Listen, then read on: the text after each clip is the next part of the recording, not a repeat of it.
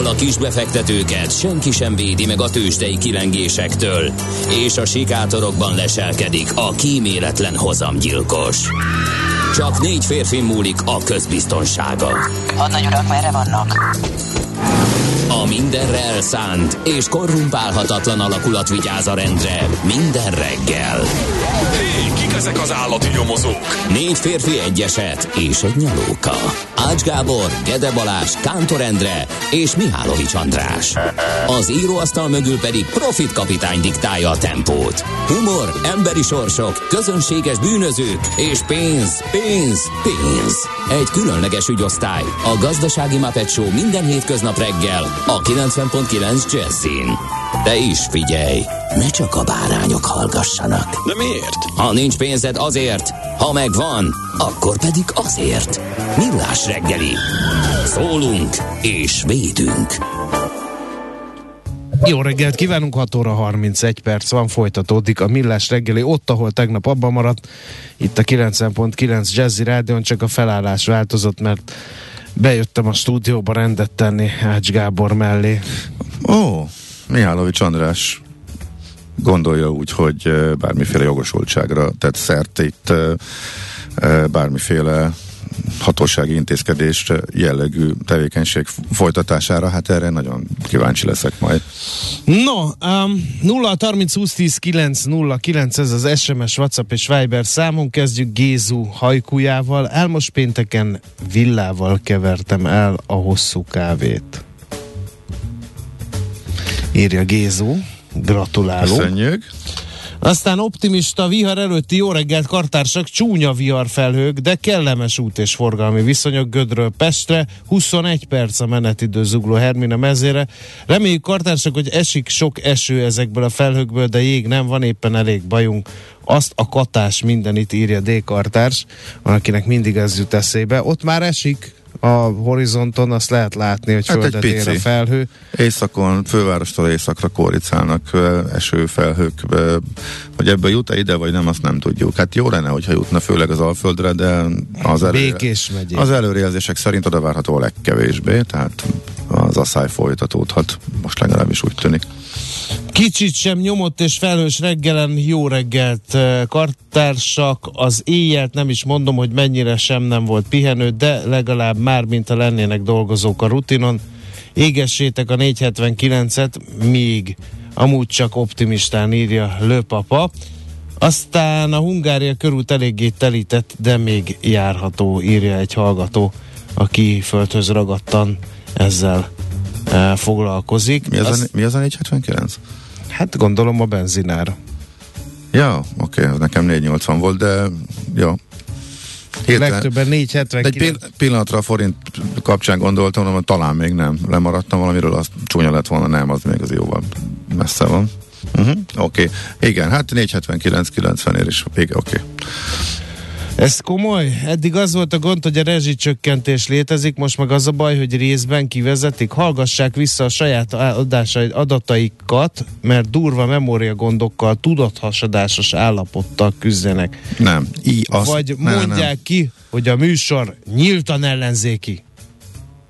Műsor semmilyen. Ki, Hát nem, ki nem, mondjuk? nem. Kimondjuk, a műsor örök ellenzéki. Nyíltan örök ellenzéki. Kimondtuk. Hát figyelj, én még ezt se így mondanám, De, hanem... mert a, a sajtónak ez lenne normális országban a feladata. De szerintem, látod, mert magunk között sem értünk egyet. Szerintem abban, hogy valaki ellenzéken van, benne van az, hogy politizál. Én meg nem politizálok, illetve nem szeretek, mert nem érdekel. Ez nem érdekel, hogy ki mit, ki mit mond. Nyilván a gazdasággal kapcsolatos döntéseket a politika hozza meg, ezért teljesen kikerülni nem lehet.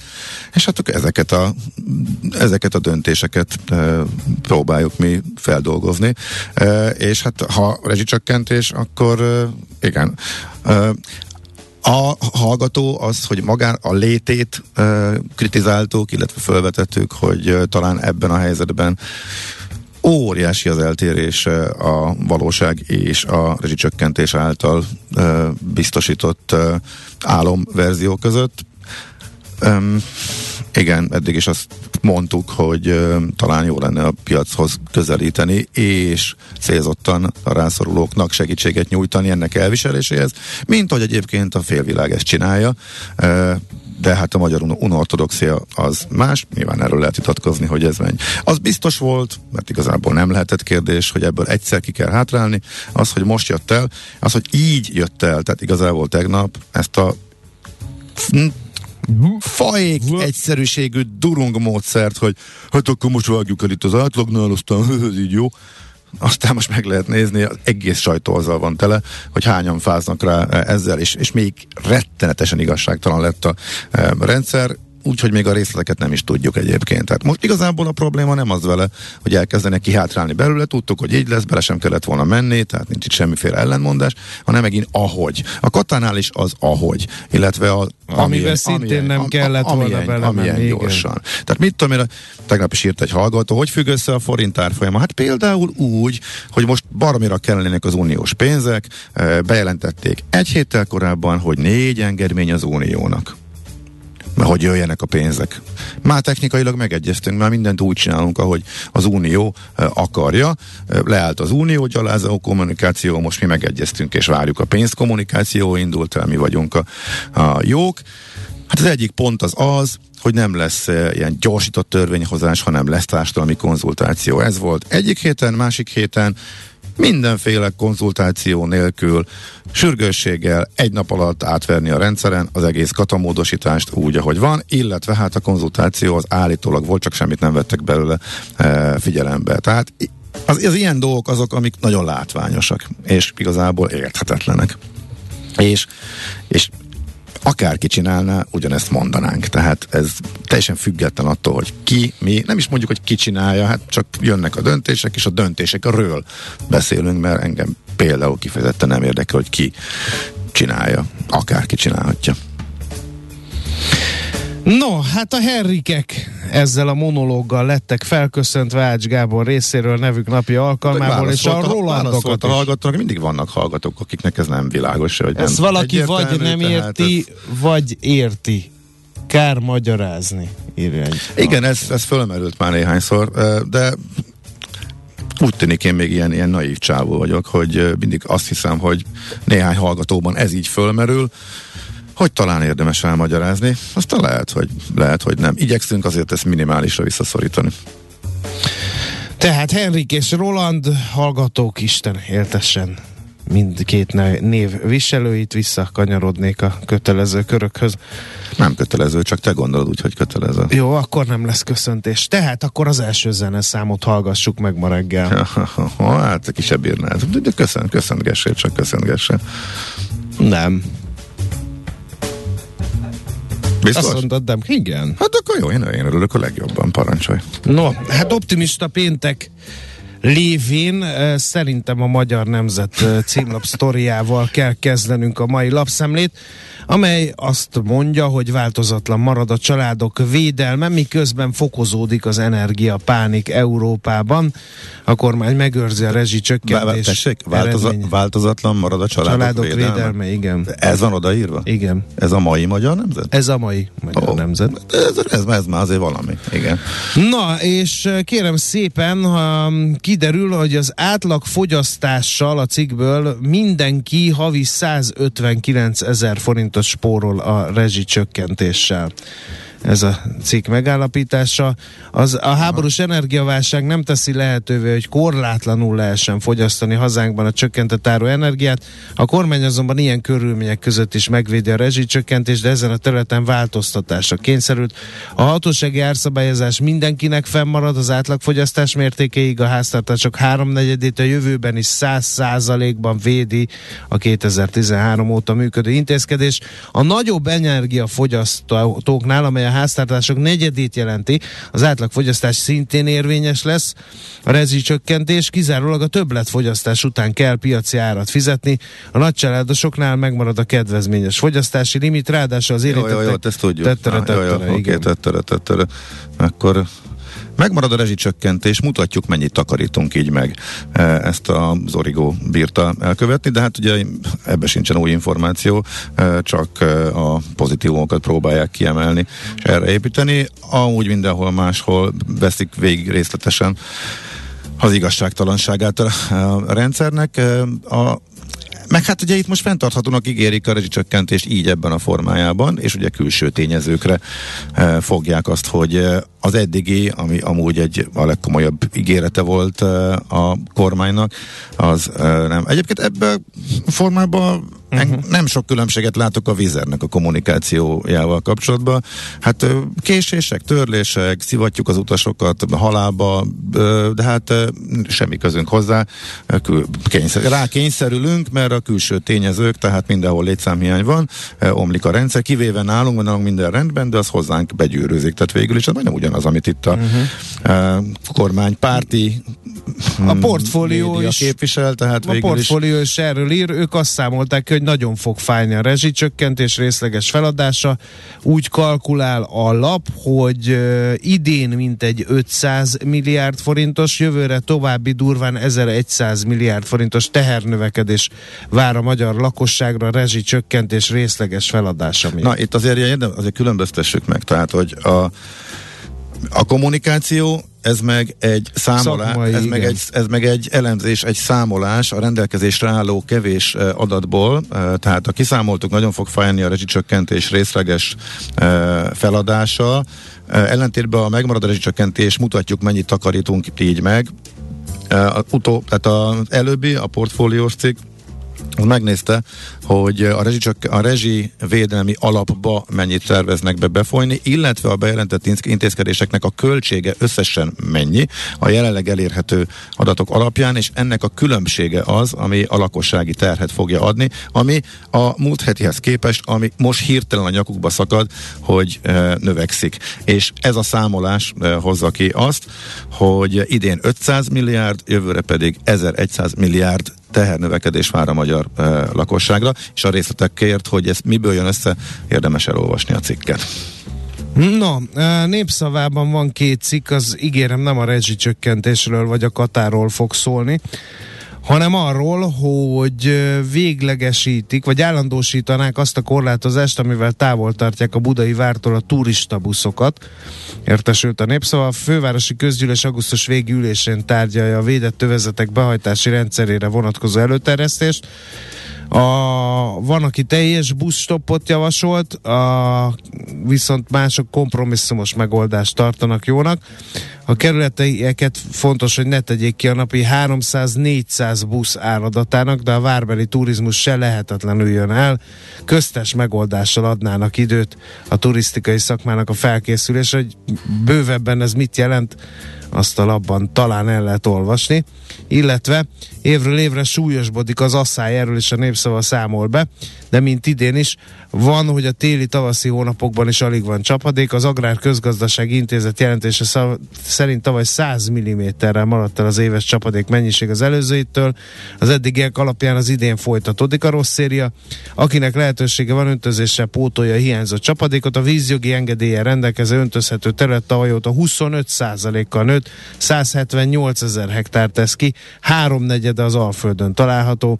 2024 végére a minisztérium 300 ezer hektárnyi öntözhető területtel számol, 2030-ra pedig a tervek szerint további 100 ezer hektárra nő a vízzel ellátott terület.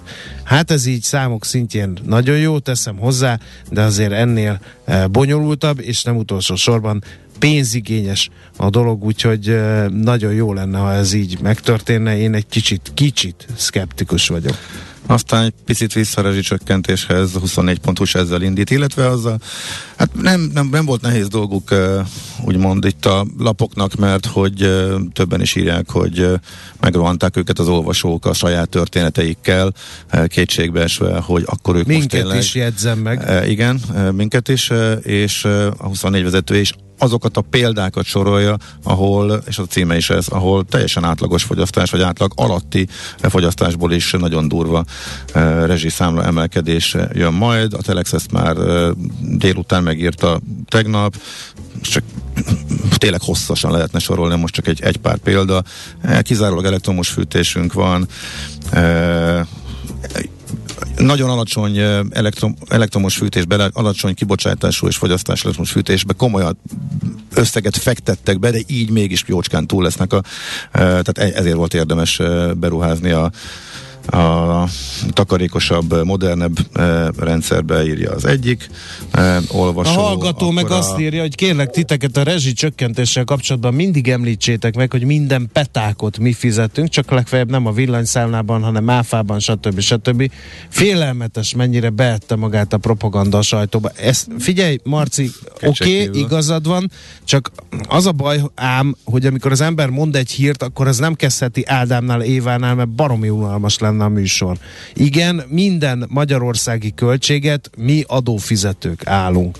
Máshogy. Igen. Máshogy. Más Így vagy úgy, de igen, sorokon, hiszen az igen. állam önmagában nem tud pénzt termelni, hanem az állami költségekre az adók beszedéséből jön. Igen, most jönnek azok a hallgatók, akik azt mondják, hogy de a katások meg nem fizettek adót. Igen, ezért mondjuk azt, hogy ez fájdalmas, meg minden, de katá- na mindegy, szóval katá- nem tudunk katával, visszamenni. Katával kapcsolatosan is szerintem az, az nyilvánvaló volt, hogy félre csúszott a rendszer, igen. És változ, változtatásra szorult, és ez ugye évek óta a, megy, és egészen tehát, minimális változtatásokat hoztak, az igazából de, de, nem, de figyelj, nem tehát, volt elegendő. De, de engem a kata történetben két dolog idegesít, tényleg. Paraglászló, és az, hogy, Igen. hogy csináltak egy rendszert, amitnek a szabályai ők hozták létre, ők alakították a szabályait folyamatosan, majd amikor kiderül, hogy hát ez túl szép, hogy igaz legyen egy csomó vállalkozásnak, akkor meg így kvázi azt mondják, hogy na most akkor leszámolunk az adócsalókkal, és vannak emberek, akik ezt beveszik. Tehát tíz év alatt lényegében hozzá se nyúltak, hogy egészen Igen. minimálisat, és utána két nap alatt az egészet be kell szántani, ahelyett, hogy... És egyébként születtek rá nagyon jó kompromisszumos javaslatok, akár a, például a budapesti kamara részéről is, hogy hogyan lehetne kiszűrni, visszatérni ahhoz a célhoz, amire valójában szolgált volna.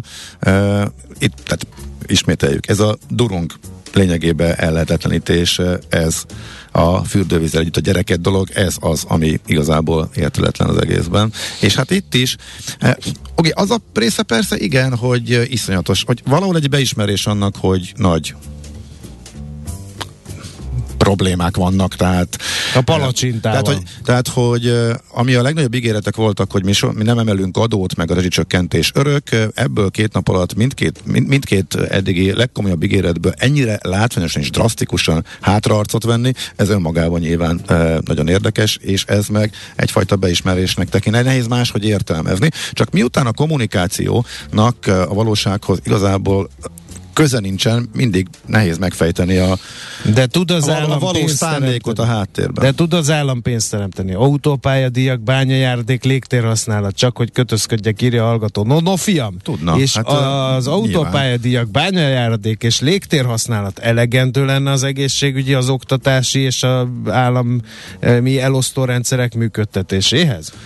Hát figyelj, arra ne, de arra nem szánnak. Tehát a tíz éves konjunktúrába is tettek rá. Tehát akkor most miért, gond, tehát miért, kéne, miért gondoljuk azt, hogy majd a válságban az, az, az érdekelne bárkit is. Tehát az, nem, az, az a, azzal az a stratégia, tehát azt láttuk, hogy az úgy ketyegjen el a, a minimális szinten, arra a minimális összeget biztosítjuk, de hogy igazából abba pénzt nem teszünk a fejlesztésére, nem szánunk egyiknek se. Tehát nagyjából tíz év konjunktúra kormányzása alatt ez derült ki. E, tehát arra, hogy kell-e pénz, nem kell-e pénz, az egy filozófia, hogy, hogy Magyarország a világ nagy részével ellentétben nem áldoz se az egészségügyre, se az oktatásra legalábbis. Ez a kormányzati filozófia. Te, illetve nyilván most meg a szavakban nem ez van, de hát hogy egészen egyszerűen ezt láttuk. De mit adtak nekünk a rómaiak? Na mit? Borkultúrát. És ott látod Közbiztonságot. Látod az eredményeket? Hát a közbiztonság speciál nincsen baj. Nem tudom, hogy jött hát ide, de... Nem, de igen. Miért nem a háztartások összes energiafogyasztását veszik, ahelyett, hogy külön választják a gázt és az áramot? Azért, mert az elszámolás technikailag azért az így egyszerű. Egy háromtagú család vagyunk, kis településen, házunk 76 négyzetméter, nincs szigetelve, 2300 köbméter az a fogyasztásunk télen, 21 fél fokra állítjuk a fűtést, kondenzációs kazán, vízmelegítés, tűzhely, minden gázzal megy, 600 köbméter pluszban vagyunk, 8-szoros árat fogunk fizetni.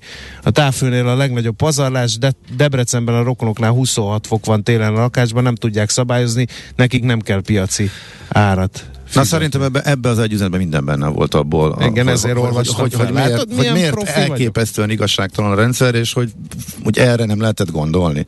Tehát így bejelenteni, amiből ez következik. Na, szerintem itt ezt most azért zárhatjuk le, mert Megint, még megint, nem mondtunk tőzsdehíreket. Megint, igen, nem mondtunk tőzsdehíreket, megint kijött a közlöny, nincsen benne semmi, nincsenek benne a részletszabályok. Simán lehet, hogy még ez változik, és simán lehet, hogy ezzel most szembesültek a hirtelen felelkesülés és bejelentés után, és még finomítanak a rendszeren. Tehát itt még nem jelent meg, nem jelentek meg a részletek, úgyhogy szerintem erre majd tényleg akkor érdemes lesz visszatérni. Amíg nincsenek a részletszabályok, addig csak azt látjuk, hogy ebben a formában ez, ez, ez döbbenetes. Hogy szétszakítja a társadalmat azokra, akik itt sok, sokszorosan nő a költségük, még akik megúzták és nyugodtan pazarolhatnak, nyilván kis túlzással. Úgyhogy várjuk meg, hogy kijöjjenek a részletek, és ezt szerintem akkor lehet. Ma nem az optimista értékelni. péntekre ébredtünk, mert mintha morgos szerdát hallanám, vagy csak nem lapoztatok a naptárban. Gyuri hallgató, a jó ég áldjon meg. Hát azért nem tehetjük meg azt, hogy a rögvalósággal nem foglalkozunk, hanem partalan optimizmusba fullasszuk a mai adást, hát de a... tehetünk rá egy kísérletet. Hát helyzet van. Itt most egy van egy 180 fokos fordulat a magyar gazdaságpolitikában, van iszonyatos tehernövekedés a magyar társadalom egy részében, eh, és teljesen egyenlőtlenül eloszló tehernövekedés hirtelen, aminek még nem tudjuk a részleteit, hogy, hogy, hogy valóban így lesz-e, és van egy elképesztő bizonytalan helyzet, ami rengeteg embert érint. Úgyhogy eh, az optimizmust szöljük bele a végére volna. Nyilván ez most így makroszinten, ezt pont te mondtad még itt a műsor előtt, hogy makroszinten ez nyilván valahol segít, tehát ha valaki kívülről néz rá, a költségvetést helyre rakja, a fenntarthatatlan, uh, nyilvánvalóan fenntarthatatlan rezsicsökkentésből a kihátrálás makroszinten az, az, az ismét csak pozitív. Kicsit már elindult, elindítottuk a spórolás irányába a lakosságot, tehát meg lehet ezeket is találni, mert ez abban mindig az. Na mi legyen, menjünk tovább egyből? Nem muszáj lesz. Készültél a tőzsdére? Nem. Hát, de azért meg el tudod mondani. Hát csak a rutin. Csak a rutin, ahogy, ahogy szokott. Jó, oké, okay, parancsolj. Hol zárt? Hol nyit? Mi a sztori? Mit mutat a csárt? Piacok, árfolyamok, forgalom a világ vezető parketjein és Budapesten. Tősdei helyzetkép következik. Drága barátaim, magyarok, csapjunk a levegőbe! 0,88 százalékot ment fölfelé a Bux, 39.246 ponton álltám meg. Szétvertük a világot. Az OTP, az, OTP, az OTP-t megfogta a 8000-es szint. Jihi! A MOL 2,18 százalékot ment fel 2900 forintig, a Richter 2 százalék fölötti erősödést produkál 7510 forintról kezd ma, és sajnos, sajnos a Magyar Telekom. Ott a Magyar Telekom, de hát a kivétel erősíti a szabályt, 4,46 százalékos mínusz hozott össze a papír, kerek 300 forinton állapodott az meg, úgyhogy hát mi? Hát a tőzsde mindent mutat, ez egy jó hely, mennek fölfelé az árfolyamok, az árak, minden megy fölfelé. De csak Budapesten, mert közben, Igen. mert közben a gazimperialisták, az imperialisták tökön szúrták magukat, és igazából minden ott estek ez az, az. árak. Na, alig bírt Amerika is a végére. Ez az. Följönni, de hát annak, ott, ott, ott nyilván a háttérhatalom segített ebben. Tehát az x kategóriában a... csak a Glosterről tudunk beszélni, ott volt értelmezhető elmozdulás. Sajnos ott még azért van mit szépíteni az eredményem, mert 2,3%-os mínusz volt. Egyébként a többi papír meg nyaral, mindenki alszik, úgyhogy jól megérdemelt pihenés, erőgyűjtés folyik az őszi nagy ralira.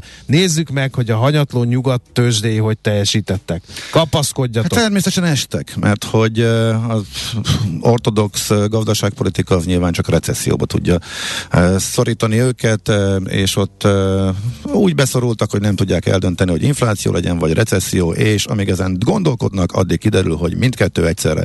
Úgyhogy egyértelmű volt, hogy mi várt rájuk, csak a nagy esés jöhetett szóba, úgyhogy Európa ennek megfelelően működött tegnap. Hát jó, oké, a NASDAQ az a végére kidugta a fejét, és csinált egy plusz nullát, de ehhez vegyük figyelembe mindenképpen, hogy az imperializmus fellegvárában, ott azért eh, az esés eddig már óriási volt, ott inkább érdemes az éves eh, változást nézni. A NASDAQ most oké, okay, hogy emelkedett egy vagy két százalékot, miközben 28-szor zuhant az idén, tehát ez teljességben lényegtelen.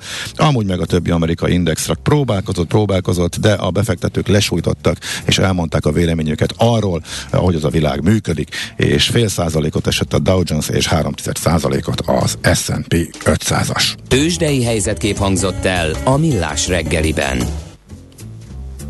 Itt van Ibolya. Itt vagyok, jó reggelt, sziasztok! A tengerpartról egyenesen. Az tengerpartról, majdnem egyenesen. Előtte már lenyomtam egy tegnap délutáni műszakot. Hát jó, de akkor előtte sok munka, utána sok munka, ez a legjobb pillanat, nem? Amikor visszaérkezel, és akkor tudod, hogy mi És arcú csap a valóság. De mennyire követted? Kicsit. A vége felé, az utolsó három napban inkább próbáltam kizárni, mert tényleg muszáj volt kikapcsolódni, úgy éreztem. És aztán már ott elkezdődött az, hogy júj, júj, júj, mi alakul itt. Gázszám, És- gázszámla, áramszámla, fogyasztás, azonnal megnézted? és Nem néztem meg. Nem. Nem, nem néztem meg. Sacra, tipre? Azt tippelem, hogy talán benne vagyunk, nem Aha, tudom. talán. Na most, Tehát, hogy akkor most jön egy ember kísérlet. Na. Mert én uh, szombaton, azaz 16-án elmegyek, kikapcsolom a tele, de tényleg, tehát ha akarnék, se tudnék tájékozódni, tehát uh, 16-án eltűnök, nem lesz telefon, semmi, és egészen 24-ig egy hang, de tényleg, tehát semmi. Úgyhogy Tök majd jó lesz. azt az élményt kérdez meg hétfőn, mert nyilván beosztottatok 25-ére hétfőre, ha örüljek. Még szerkesztesz. Szerked, na még aztán az hiányzik. Akkor valakit kinyírok, és a skalpját az övemre fűzöm, bár a tiéd az, hogy mondjam, már kopottas, mert ilyen ezüstös.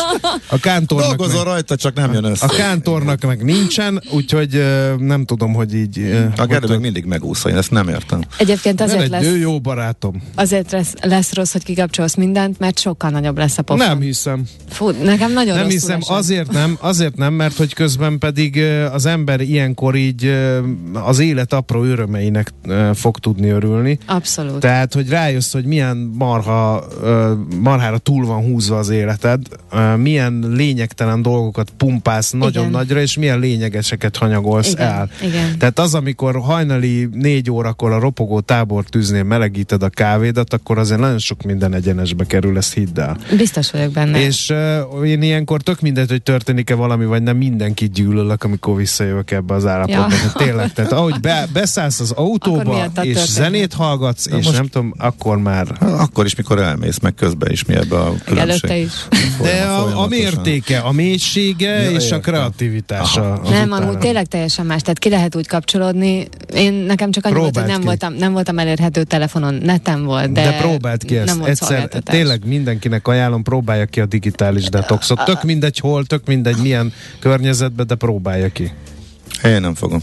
Nem? Én nem bírom. Nem bírom. Nálunk amúgy az egy cél, tehát az, én, az én kedvesem mindig azt mondja, hogy menjünk úgy, menjünk olyan helyre, hogy menjünk tanyára, ahol nincs semmi, tehát ahol tényleg nem vagy Próbáljátok elérhető. ki tényleg. Tényleg és próbáljátok azt, ki ő is ugyanezt mondja, amit Maci, hogy az valami elképesztően más pár nap is. Tehát úgy, úgy kikapcsol, úgy feltölt az, hogy nincs, és, és nyúlnál a telefonhoz, de nincs miért.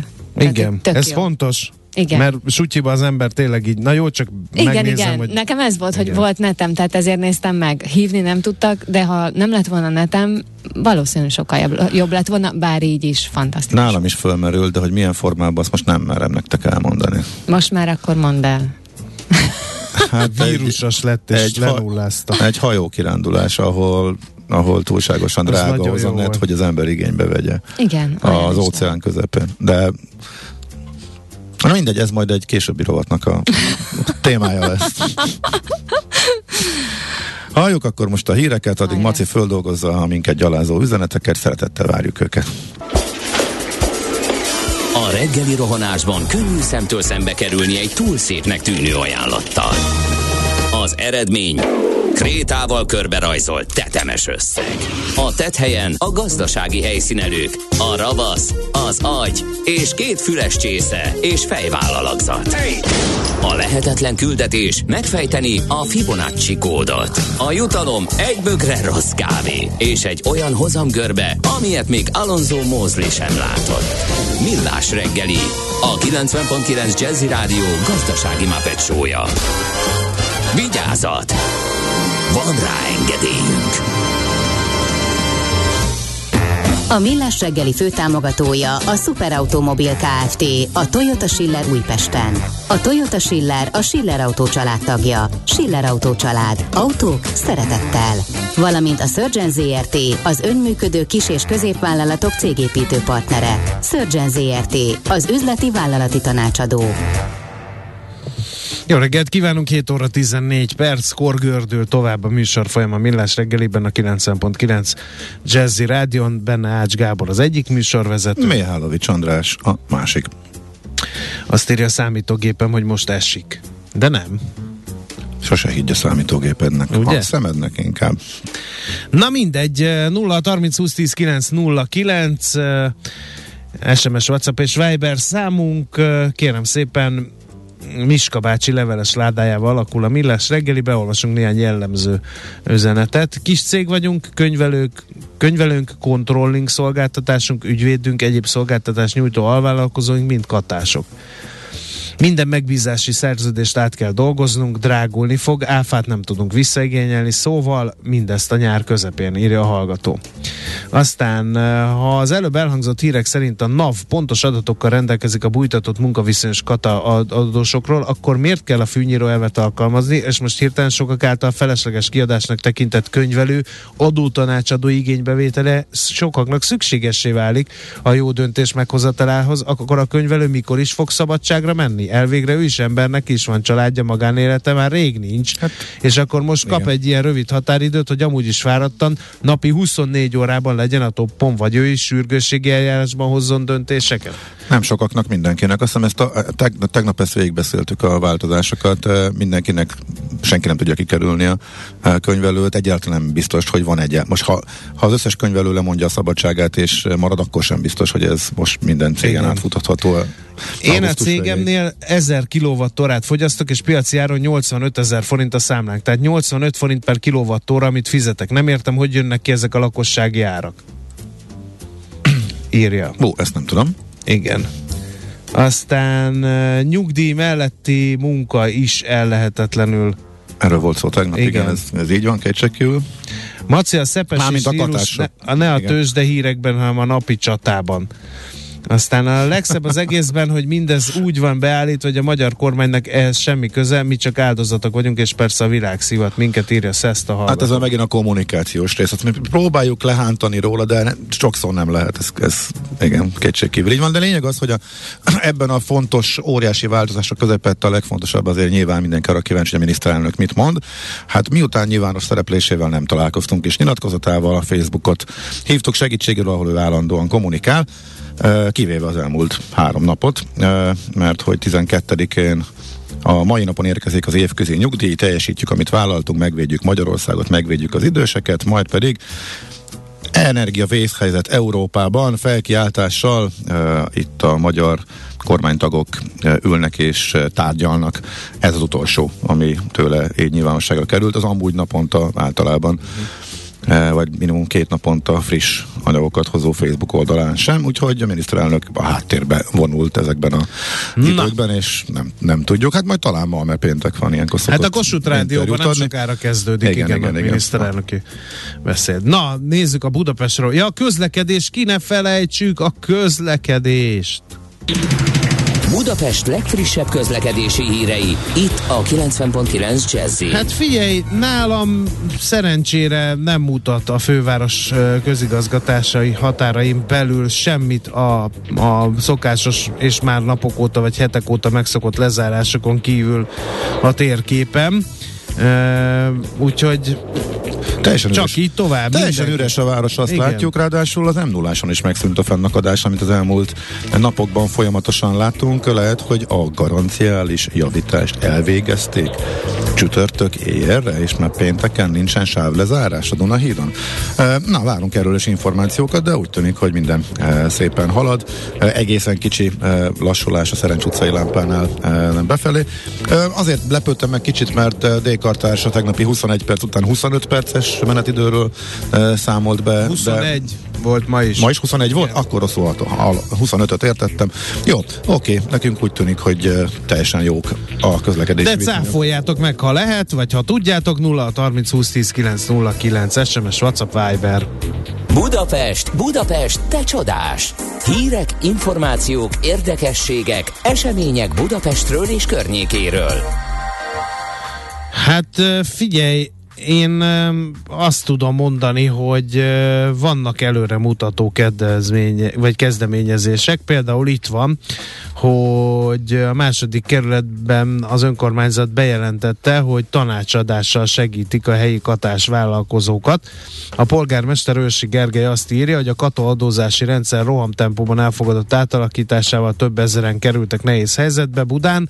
A nyári szabadságalások idején mindössze 50 nap maradt az alkalmazkodásra, és az ingyenes tanácsadó szolgálatot szakképzett könyvelők fogják segíteni, úgyhogy ezzel próbál a nehéz helyzeten enyhíteni a második kerületi önkormányzat. A hatodik kerület meg energiatanácsadó irodát nyit a Hunyadi téri vásárcsarnokba, ahol a kerületben élők ingyenesen kaphatnak tanácsokat szakértőktől a rezsijük e, csökkentésére. Mondjuk ez nem tudom, de ez mi lehet? Tehát az, hogy fűtség kevesebb, tehát milyen jellegű tanácsok lehetnek ezek, hogy fűtség kevesebbet, húz ki a telefont, a, már csak eszembe jutott egy cikk, a Telexen volt egy gyűjtés, a szempont erről hasonló, csak hogy ezt szóban, hogy húz ki a töltőt és a falból, amikor nem lóg rajta a telefon, mert akkor is fogyaszt, ha éppen nem lóg rajta semmi, vagy fűtéstámogatási program kiterjesztése, az, ha konkrétumokat is tudnánk, akkor az fontos dolog lehet. eh, Kérdés, hogy miből telik rá. Aztán támogatják a társaságok és energetikai korsz, to, lakások energetikai korszerűsítete, erre pedig ugyanaz igaz, mint az előzőre, hogy hát persze ez eddig is tök jó lett volna, eddig is tök jó volt, amennyi eddig jutott rá. Középtávon, hát majd elvileg erre jönnek majd uniós pénzek, de itt most rövid távon lesz probléma, tehát ez nem valósulhat meg addig. És hát ugye a kérdés, hogy nem, tehát nem csak a uniós támogatás, tehát most ha kimondottan maradunk itt a energiahatékonysági beruházásoknál, akkor az is kérdés, hogy lesz elég anyag, meg lesz elég munkás, aki Figyelj, nekem kettőféle barátom is van. Az egyik az cserépkályha rakással foglalkozik, a másik pedig napelemek tel, de, e, Na, a telepítésével. változások nyertesei ők. A változások nyertesei szerencsétlenek fölvett, tegnap későn beszéltem mind a kettőkkel, és azt, mondta, hogy, azt mondták, hogy őr, tehát nem az, hogy, hogy nagyon sok a munka, és itt egyszerűen őrület van. Mindenki Persze, napelemet és cserépkáját akar minél előbb, még mielőtt beköszönt a tél, úgyhogy ők Az itt a cserépkályha, az durva. A zöldülünk. né, nézd meg a tűzifát, hogy jó. a tűzifára hogy mennek fölfelé. Hát az erdők azok tisztességgel le lesznek, le lesznek tarolva, hogyha ez így marad, tehát ez szerintem nyilvánvaló. Főleg a vegyes, ahol a vegyes fűtés, tehát ahol bevezették a gáz, de még ott van a kályha is, akkor az arányok hát nem nehéz ö, kitalálni, hogy milyen irányba fognak majd ö, eltolódni, hogyha a számla ö, ebbe az irányba tereli az embereket. Na, azt mondja, Várjál, még egy nagyon fontos azt, azt, hadd mondjam, mert létrejön a Budapesti Agglomerációs Fejlesztési Tanács. Az ez- Országgyűlés Törvényalkotási Bizottsága megszavazta. hát eddig nem volt? Eddig ezek szerint, vagy nem így hívták legalábbis. Ott lesz a főpolgármester, Érd, amely, mint megyei jogú város, az uniós források felhasználásáért felelős miniszter képviselője, a kormányzati stratégiák kidolgozásáért felelős miniszter képviselője, a területrendezésért, egészségügyért, szociálpolitikáért, köznevelésért, közlekedésért, valamint a nemzeti közműszolgáltatásokért felelős miniszter képviselője, illetve a területfejlesztési törvény által a térségi fejlesztési tanács tagjaiként meghatározott képviselők. Kérlek szépen. Mm, jó, oké, ezt most így nem tudom a hátterét. Én sem, hogy mivel fognak foglalkozni, biztos az ez most, agglomerációs igen, az mit jelent nyilván azzal, de hogy uh, ez mit helyettesít, vagy minek a, mit vált ki, vagy mert eddig is voltak hasonlók, csak mert én elvesztettem a fonalat, hogy éppen hogyan. Még egy akkor jó hír, uh, a Trafóház felújítás elindul a Városháza udvarán álló Trafóház, amely egykor a Merlin Színház épülete uh, is volt. Uh, ott 11-én, azaz hétfőn aláírták a megalapodást a kivitelezővel erről a felújításról, és uh, hm, és ennyi. És most nem megyek bele a részleteibe, hogy az épületnek a története, mert sok fontos dolgunk még van. Nekünk a Gellért hegy a Himalája. A Millás reggeli fővárossal és környékével foglalkozó robata hangzott el.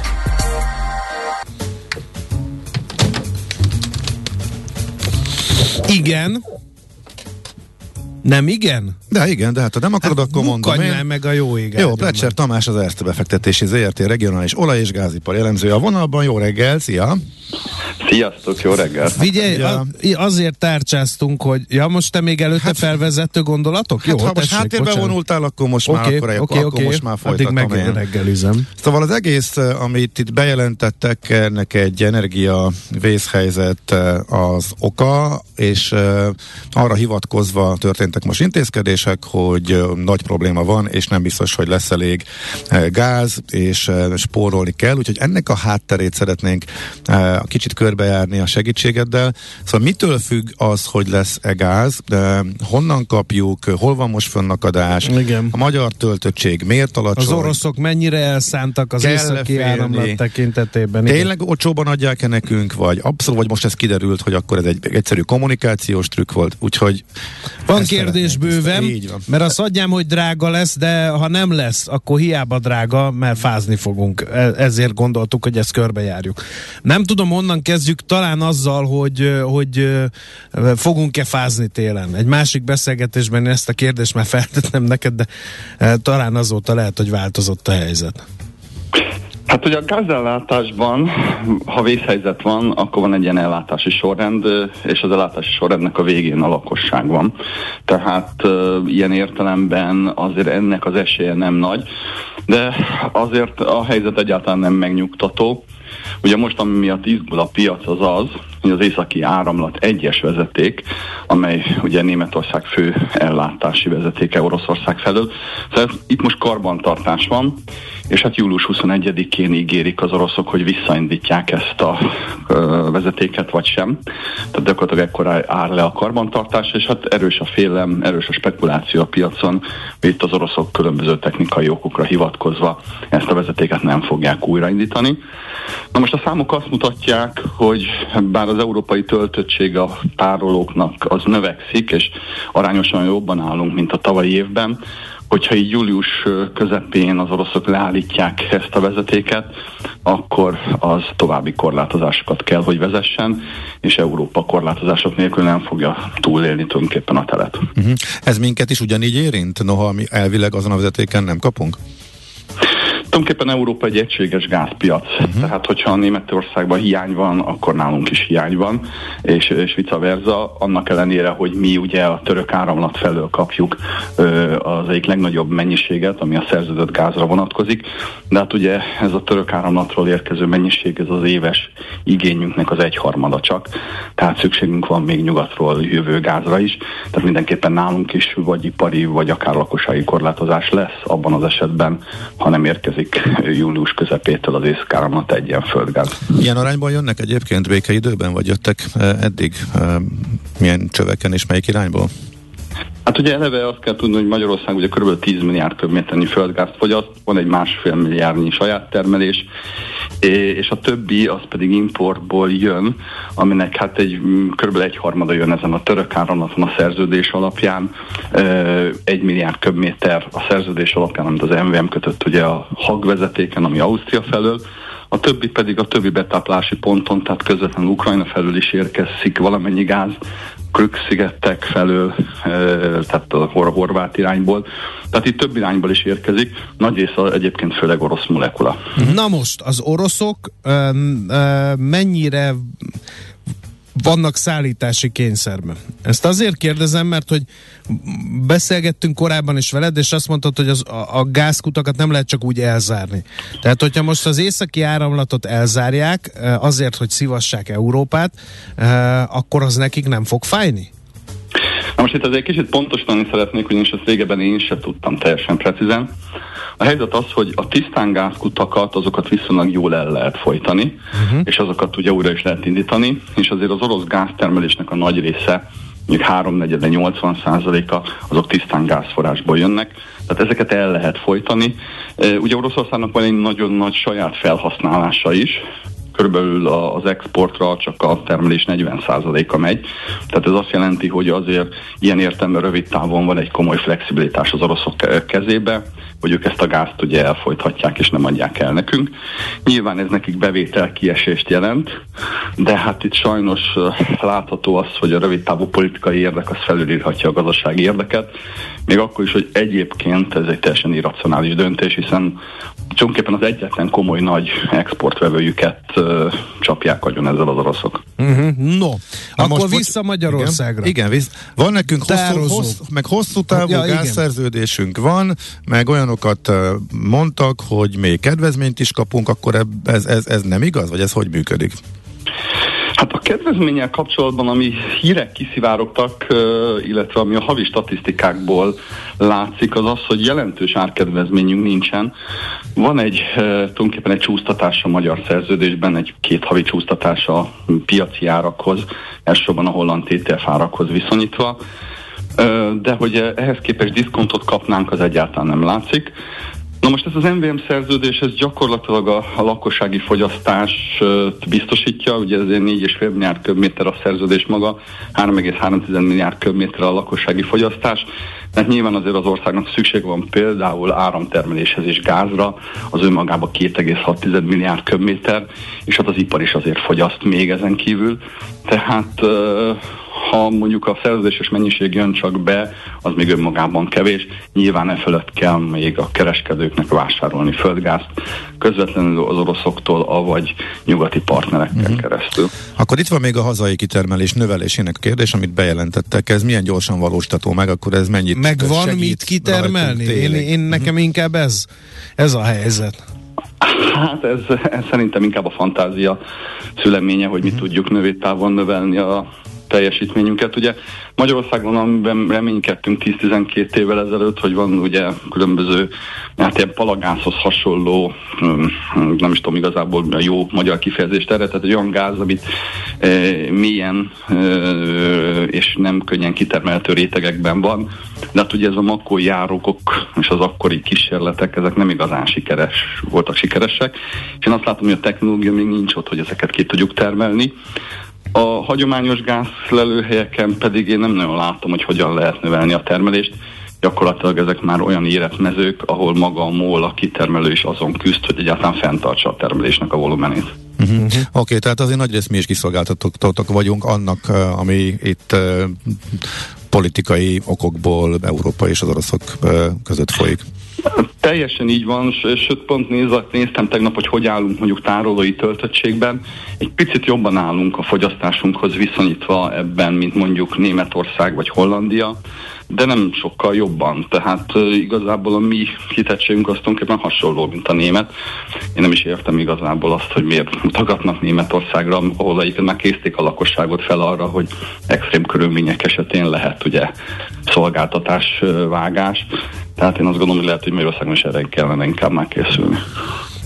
Európának van valamiféle közös gázleosztási terve, hiszen például az energetikában ugye összekötnek mindent mindennel, és így ki tudjuk segíteni egymást, ha valahol baj van. Többször volt erre már példa, hogy Magyarországra segítették ki Szerbiát. Egyébként ebbe gázügyben is volt példa, nem is olyan régen. Ilyesfajta egyesség, közös beszerzés, közös leosztás Európában van? Most egyrészt tudnotok kell azt, hogy ez az egész európai piac ez egy egységes piac, tehát itt már nincsenek tulajdonképpen nemzeti határok, egyes cégek, egyes vállalatok, akár például a magyar származású MET is, ugye több- közel 20 országban szolgáltat Európában, tehát egyik országban megveszi, másik országban eladja, egyik országban betárolja, másik oldalon eladja, tehát ez egy egységes piac. E, Itt nincsenek igazán már nemzeti határok, ez egy nagyon fontos, és valahogy nem jött át a magyar köztudatban, mindig csak nemzeti gondolkodásunk van, de valójában itt ez egy egységes piac, amiről van szó. Másrészt, ha vészhelyzet van, és a vészhelyzet hirdetnek az európai államok is, akkor elképzelhető az, hogy ö, a piac kezéből kiveszik ezt a ö, elosztást, és az államok központilag határozzák ezt meg, és ebben az esetben már az Európai Unió deklarálta, hogy ilyenkor lesz egyfajta szolidaritási megoldás, tehát úgy fogják elosztani a gázt, hogy ez a fajta szolidaritási elv érvényesüljön. Ne az legyen, hogy valakinél sok gáz felgyülemlik, amikor mondjuk is lezárja a határt, és nem ad olyan valakinek, akinek erre nagyon nagy szüksége lenne. Ezeket a szituációkat akarjuk elkerülni. Um,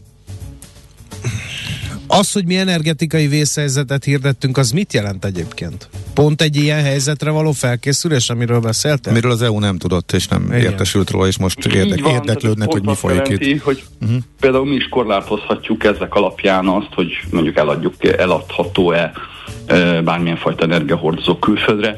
Van is egyfajta tiltás most ez ellen, ami mondom azért nagyon furcsa, mert ez az egész piac, az egész európai piac, ez egy egységes dolog. Ha mindenki egyszerre hirdet egy ilyen energetikai vészhelyzetet, és koordinálva történik ez az elosztás, annak lenne értelme. No, akkor már csak az árakat kellene megvitatnunk, hogy írdatlan árak vannak. Ez, ezeket kimozgatja. Ez a tipikus piaci kereslet-kínálat, most ugye nincs kínálat, viszont van kereslet, és ezért hajtja fel az árakat, vagy ebben spekulációban van, vagy az oroszok nagyon ügyesen manővereznek a, a hol szállítunk gázt, kinek szállítunk gázt, mennyi gáz szállítunk dologgal, vagy, vagy hogy alakul? Ez a mostani parafaktor, hogy az oroszok nem indítják újra. Vagy ez csak hiszti a ez, piacon, ez igen. már benne van? Hát gyakorlatilag ez van benne, hogy az oroszok nem indítják újra, ettől tart a piac. Jellemzően például augusztus-szeptemberre már nem lehet volumeneket előre fixálni a piacon, ilyen híreket is lehet hallani, mert nem tudjuk, hogy biztosan lesz-e volumen, tehát nem tudjuk, hogy lesz-e az a mennyiség, amit, amit leszerződök, hogy fognak-e az oroszok szállítani. Az a helyzet, srácok, sajnos, hogy így az következő egy-két évben így Putyin kezében vagyunk az európai gázárakban, tehát ő ezt nagyon jól tudja manipulálni. Körülbelül egy-két év múlva már képül annyi alternatíva, hogy ez a függés ez csökken, és én nem lennék meglepve, ha öt év múlva az oroszok könyörögnének azért, hogy megvegyük az ő gázukat. Igen, csak el Ez a kell jutni odáig. Addig öt év, öt hideg tél, ö, takarok alatt dideregve, körbeülve a fűtőtestet, hogy legalább úgy melegedjen fel. Most ezek nagy szavak, de azért ez, ez hosszú időnek tűnik. Hát inkább azt mondom, hogy két tél lesz, ami nagyon nehéz, tehát az Aha. idei és a következő. Azt követően azért ez a helyzet ez javul.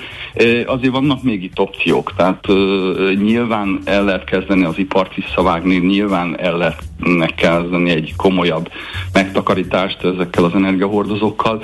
Az biztos, hogy nem lesz könnyű, és az biztos, hogy nem lesz a korábbi életünkhöz képest, vagy pontosan a korábbi életünkhöz képest azért ezek komolyabb változásokat hoznak, de én azt gondolom, hogy még így is menedzselhető a szituáció.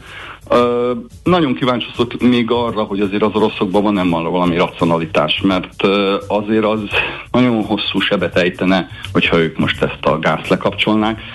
Mondom, nekik az igazi egyetlen komoly exportpiacuk az, az Európa. Ilyenkor, ilyen, kínai- ilyenkor ezek a hosszú távú szerződések, ezek, ezek nem, tehát hogy ilyenkor nincs annak következménye, tudom, háborúban és szerelemben mindent lehet, már pedig háború van, de ilyenkor, hogy van egy hosszú távú ellátási szerződése a németekkel, amit nem tartanak be az oroszok, ez nem jelent visszatartó erőt? Nemzetközi bíróság, kártérítés, stb. stb. Vagy marha mindegy az oroszoknak ez is? Most már úgy vannak ők vele, hogy nekik marha mindegy. Úgyis egyébként is ő azt gondolják, hogy Európa 10-15-20 év múlva, vagy 10 év múlva, vagy 20 év múlva mondjuk nem vesz egyáltalán már európai, vagy ő orosz gázt, hiszen addigra megtörténik a teljes energiafordulat. Mondjuk én ebben szkeptikus vagyok, de mindesetre az oroszok azt gondolják, hogy most nincs már veszíteni valójuk. E, irracionális az ő gondolkodásuk ebbe, tehát egy kicsit ilyen, ilyen elvakult. Hozzáteszem azt is, hogy az európai lépések is néha számomra Igen. irracionálisak. Igen. Tehát, hogy itt a legnagyobb baj, amit én látok, hogy mind a két félnél egy kicsit elgurult már a gyógyszer. Igen, na hát végszónak tökéletes utat rengedünk. Köszönjük szépen az információkat. Köszönöm szépen, sziasztok! Szerbusz, minden jót! Plecser Tamással beszélgettünk az Erste befektetési ZRT regionális olaj- és gázipari elemzője ő. Mi a pénteki konklúzió? A hét legfontosabb eseményeinek és adatainak tükrében. Zárjuk a pozikat és pihenjünk rá a hétvégére. Milyen események hatnak a piacra a hétfői nyitásban? Devizák, részvények, tőke és árupiacok. Heti események és jövő heti felkészülés. Értékpercek. A millás reggeli treasury rovata következik. Hát akár pozitívumként is elkönyvelhetjük, hogy annak ellenére, hogy az euró tovább erősödött a dollárral szemben, meg lett a paritás, tehát az egy az egyben eh, váltás is. A forint eh, hosszú idő után először talán heti szinten nem gyengült, nagyjából ott van, ahol na, volt heti esemény összefoglalónkat, akkor kezdjük is ezzel a vonalban. Csillag Zsigmond, az OTP Global Markets osztályvezetője. Jó reggel, szia! Jó reggelt, sziasztok! Hát igen, elég viharos héten vagyunk túl, és azt lehet mondani, hogy nagyon feszült volt a kereskedés. Egyébként mind a deviza, mind a részvénypiacokon, és eh, ahogy említetted, a dollár eh, nagyon masszívan erősödött gyakorlatilag mindenhez képest, az euróhoz képest is. Láthattunk tegnap paritást, és ehhez képest a forint egész, eh, egész jól tartotta magát, hogyha heti kitekintésben nézzük, akkor gyakorlatilag hasonló szinten vagyunk, mint ahol múlt hét pénteken voltunk. Azért a hét az nagyon sok izgalmat tartogatott, nem tudom, szerintem menjünk, menjünk szépen végig. Mm, jó. Persze, hogy persze, nehogy kimaradjon valami, menjünk. Biztos, hogy sok minden ki fog maradni, de, de, de azt azért elmondhatjuk, hogy, hogy, hogy nagyon nagy kettős, vagy nagyon sok hatás éri most a tőkepiacokat. Hogyha megnézzük, azért a múlt hét a sokkal sokkal nyugodtabb volt, hogyha a részvénypiacokat nézzük. Az, ez a hét ez, ez eséssel kezdődött. Ugye egy, egyszerre félnek a, a befektetők a recessziótól, egyszerre a nagyon, maga, na, nagyon magas inflációtól. Ugye a jegybankoknak szerintem ez a legnagyobb dilemájuk a, a nagyobb jegybankok azért is vártak ki a kamatemelésekkel a, a végsőkig, mert, mert a recessziós félelmek folyamatosan emelkednek, ott vannak a kínai lezárások. Nagyon sok nyersanyag már elkezdett esni, közben nagyon sok olyan energiahordozó van, aminek az, ára pedig az egekben van, tehát nagyon nagy az összevisszaság most a, a, a tőkepiacokon, és hogy, hogyha megnézzük azokat az eszközöket, amik amik minket a legjobban foglalkoztatnak itt a hazai piacon, akkor azt látjuk, hogy, hogy, hogy ugye a forint is nagyon megsínli ezeket a, ezt, ezt, a, ezt a helyzetet. Ugye kedden volt egy, egy jegybanki kamatdöntő ülés, ami normál esetben nem lett volna az, de már múlt héten kommunikált a Nemzeti Bank, hogy az lesz. És a vártnak megfelelően, az előző, előzetes kommunikációnak megfelelően egyébként az alapkamatot föl is emelte 9,75 százalékra, oda, ahol, ahol korábban az egyhetes betéti tender tendert emelte. Itt, itt némi izgalmat okozott az, hogy most a kamatfolyósot hogy fogja eltolni a, a jegybank, hogy a tetejét, az alját hova teszi, de, de én úgy gondolom, hogy az egyszerűség kedvéért is, és a nyíltabb kommunikáció kedvéért is párhuzamosan emelte a, a, a, a kamatfolyósót a jegybank is, így a, a folyósója is 9,25%-ra emelkedett, ami azért már effektívé tud válni a pénzpiacokon. A szerdai napon láttuk azt is, hogy, hogy, az egy, hogy, hogy nagyon megemelkedtek egyébként a kamatemelési várakozások itt Magyarországon is. Azt árazza most a piac, hogy, hogy nagyjából 13% környékén állhat meg az irányadó kamatemelése, ami nyilván nagyon sok kérdőjelet hoz még, vagy hordoz még magában. Nehéz megmondani, hogy mi lesz a következő héten, nem hogy az, hogy mi lesz a következő év elején de, de az biztos, hogy ezek a várakozások nagyon megemelkedtek, ugye az éves, kam, éves implied kamatok a forint piacon azok ostromolják a 14% ot nagyon, nagyon rég láttunk ilyen, ilyen magas árazásokat. Ez meglátszódik a hosszabb kötvények árazásában, és meglátszódik egyébként a, a, a forint árfolyamában is, és ahogy említetted, egész jól tartotta magát a, a forint, de nagyon nehéz ezt kijelenteni úgy, hogy 400 fölött van az árfolyam, de hogyha megnézzük azt, hogy a héten milyen események voltak, hogy, hogy, hogy ugye egy, kijött egy, egy magasabb amerikai inflációs adat, 0,75%-os Fed kamatemelésre várnak a, a júliusi ülésen, a dollár folyamatosan erősödött tovább, a, a, a gázárak a 180 euró környékén vannak az európai gázárak, ami ugyancsak erősíti brutális mértékben a dollárt az euróval, illetve az euró,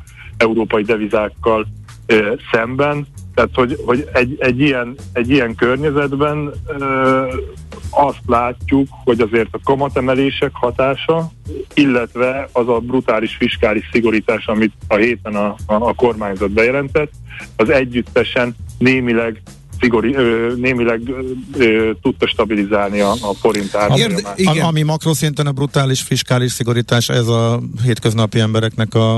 A kata a, meg a rezsi? Adóemelés, kata meg a rezsicsökkent, rezsiemelés téma? Így, így van, így van, ugye kormányzati kiadás oldalról is Igen. jöttek, jöttek olyan olyan hírek, hogy, hogy, hogy elég sokat spórol saját magán is a kormány. Ugye a Katáról nagyon szórnak a, a, a, az elemzői vélemények, hogy ez mekkora bevétel növekedést hozhat az államháztartásnak, de a rezsicsökkentésnek a, részleges eltörlése az, hogy az átlagfogyasztás fölött ugye piaci árat fognak fizetni a háztartások, az, az, az, egy, az egy írdatlan nagy szám, tehát az olyan szempontból egyébként egy, tehát e, ezt lehet hívni egy, egy elég erős fiskális szigorításnak, ami Mhm. rövid távon meg fogja lökni biztosan az inflációt, ugye, mert ez beépül, tehát hogy az energiárakat ki, kimutatják az inflációban, viszont hosszabb távon egy fogyasztás csökkenést és egy, a, a, a gazdaság hűtését fogja eredményezni, az szinte biztos, mert ez egy, ez egy nagyon ez egy, ez egy nagyon komoly intézkedés, a háztartásoknál sokkal kevesebb pénz fog maradni. Na most, ö, ezekbe a folyamatokba két dolog érdekel, vagy két dologról a véleményed. Mennyire normalizálná a helyzetet az, hogyha valamiféle megállapodás sikerülne tető alá hozni az Unióval, ezt hogy látod, illetve a dollár ereje az meddig tarthat ki? Mert ha jól vettük ki szavaidból, akkor ez két olyan fontos tényező, ami mindenképpen nyomást gyakorol a forintra. Nyomást, igen. A, a dollár az olyan szinten gyakorol nyomást, hogy ugye annak is van egy, annak is van egy oka. Tehát a dollár erősödés mögött most európai problémák vannak leginkább. Uh-huh. Mellette ott van az is, hogy a Fed sokkal gyorsabban kezdte a, a kamatemelést, magasabban van a kamat, jobb, jobb állapotban van a, a gazdaságuk, de egyértelműen látszódik az, hogy a nagyon magas európai energiaárak, mind a, mind a villamos energia, mind pedig a, az európai földgáznak az ára, olyan, olyan magasan van, hogy egy, egy, egy nagyon nagy versenyhátrányt ö, okoz az európai gazdaságnak. Ezt nem nagyon lehet levetkőzni rövid távon, hogyha ebben lesz előrelépés, nyilván itt az orosz-ukrán konfliktus, vagy pedig a, azoknak a kikötőknek a kiépítése hozhat egyébként enyhülést, ami, am- amik tudják a cseppfolyós gázt fogadni. A, e- ezek fordíthatnak ezen a, ezen a kockán, de ez hosszú idő, tehát hogy, hogy nem számítunk itt áttörésre. Nyilván egy fontos dátum lett az is, hogy az északi áramlatot visszakapcsolják-e, vagy nem a, a, ugye a, a, a Gazpromnál. Ez is egy nagyon fontos dolog, tehát hogy erre kell figyelni, ez összefügg a dollárral, és összefügg egyébként a forint árfolyamával is, mert abban az esetben, hogyha a, csak a gázárak normalizálódnának, és nem is arra 10-20 dolláros szintre, hanem mondjuk ilyen 50-80 dolláros szintre, ahol, ahol egyébként a világ bármely pontjáról be lehetne szeretni a gázt, ha meg lenne az infrastruktúra, akkor akkor a, a, a forinton lévő nyomás nagyon nagy mértékben csökkenne, és ilyen, kamat, ilyen kamatok mellett valószínűleg egy, egy elég, erő, elég komoly forint erősödést látnánk.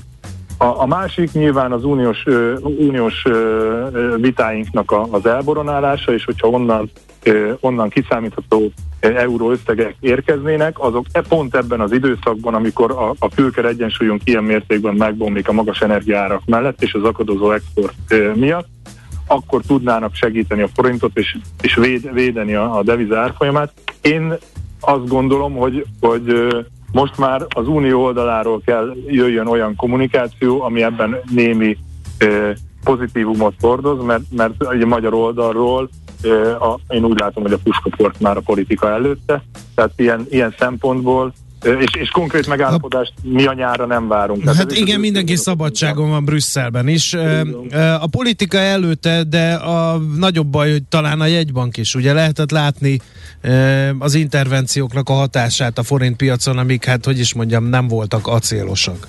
Hát így van, tehát hogy én, én azt gondolom, hogy, hogy most azért már láttunk az utóbbi két hétben kézzelfogható, nagyon komoly intézkedéseket, mind fiskális, mind monetáris politika oldalon, ami ebben a viharos környezetben a forint volatilitását egy kicsit le tudta hűteni, és, és, és, a, és ezt a nagyon masszív gyengülő trendet meg tudta fogni. Az, hogy visszaerősödjön a forint az euróhoz képest, ahhoz külső hatások is kellenek majd.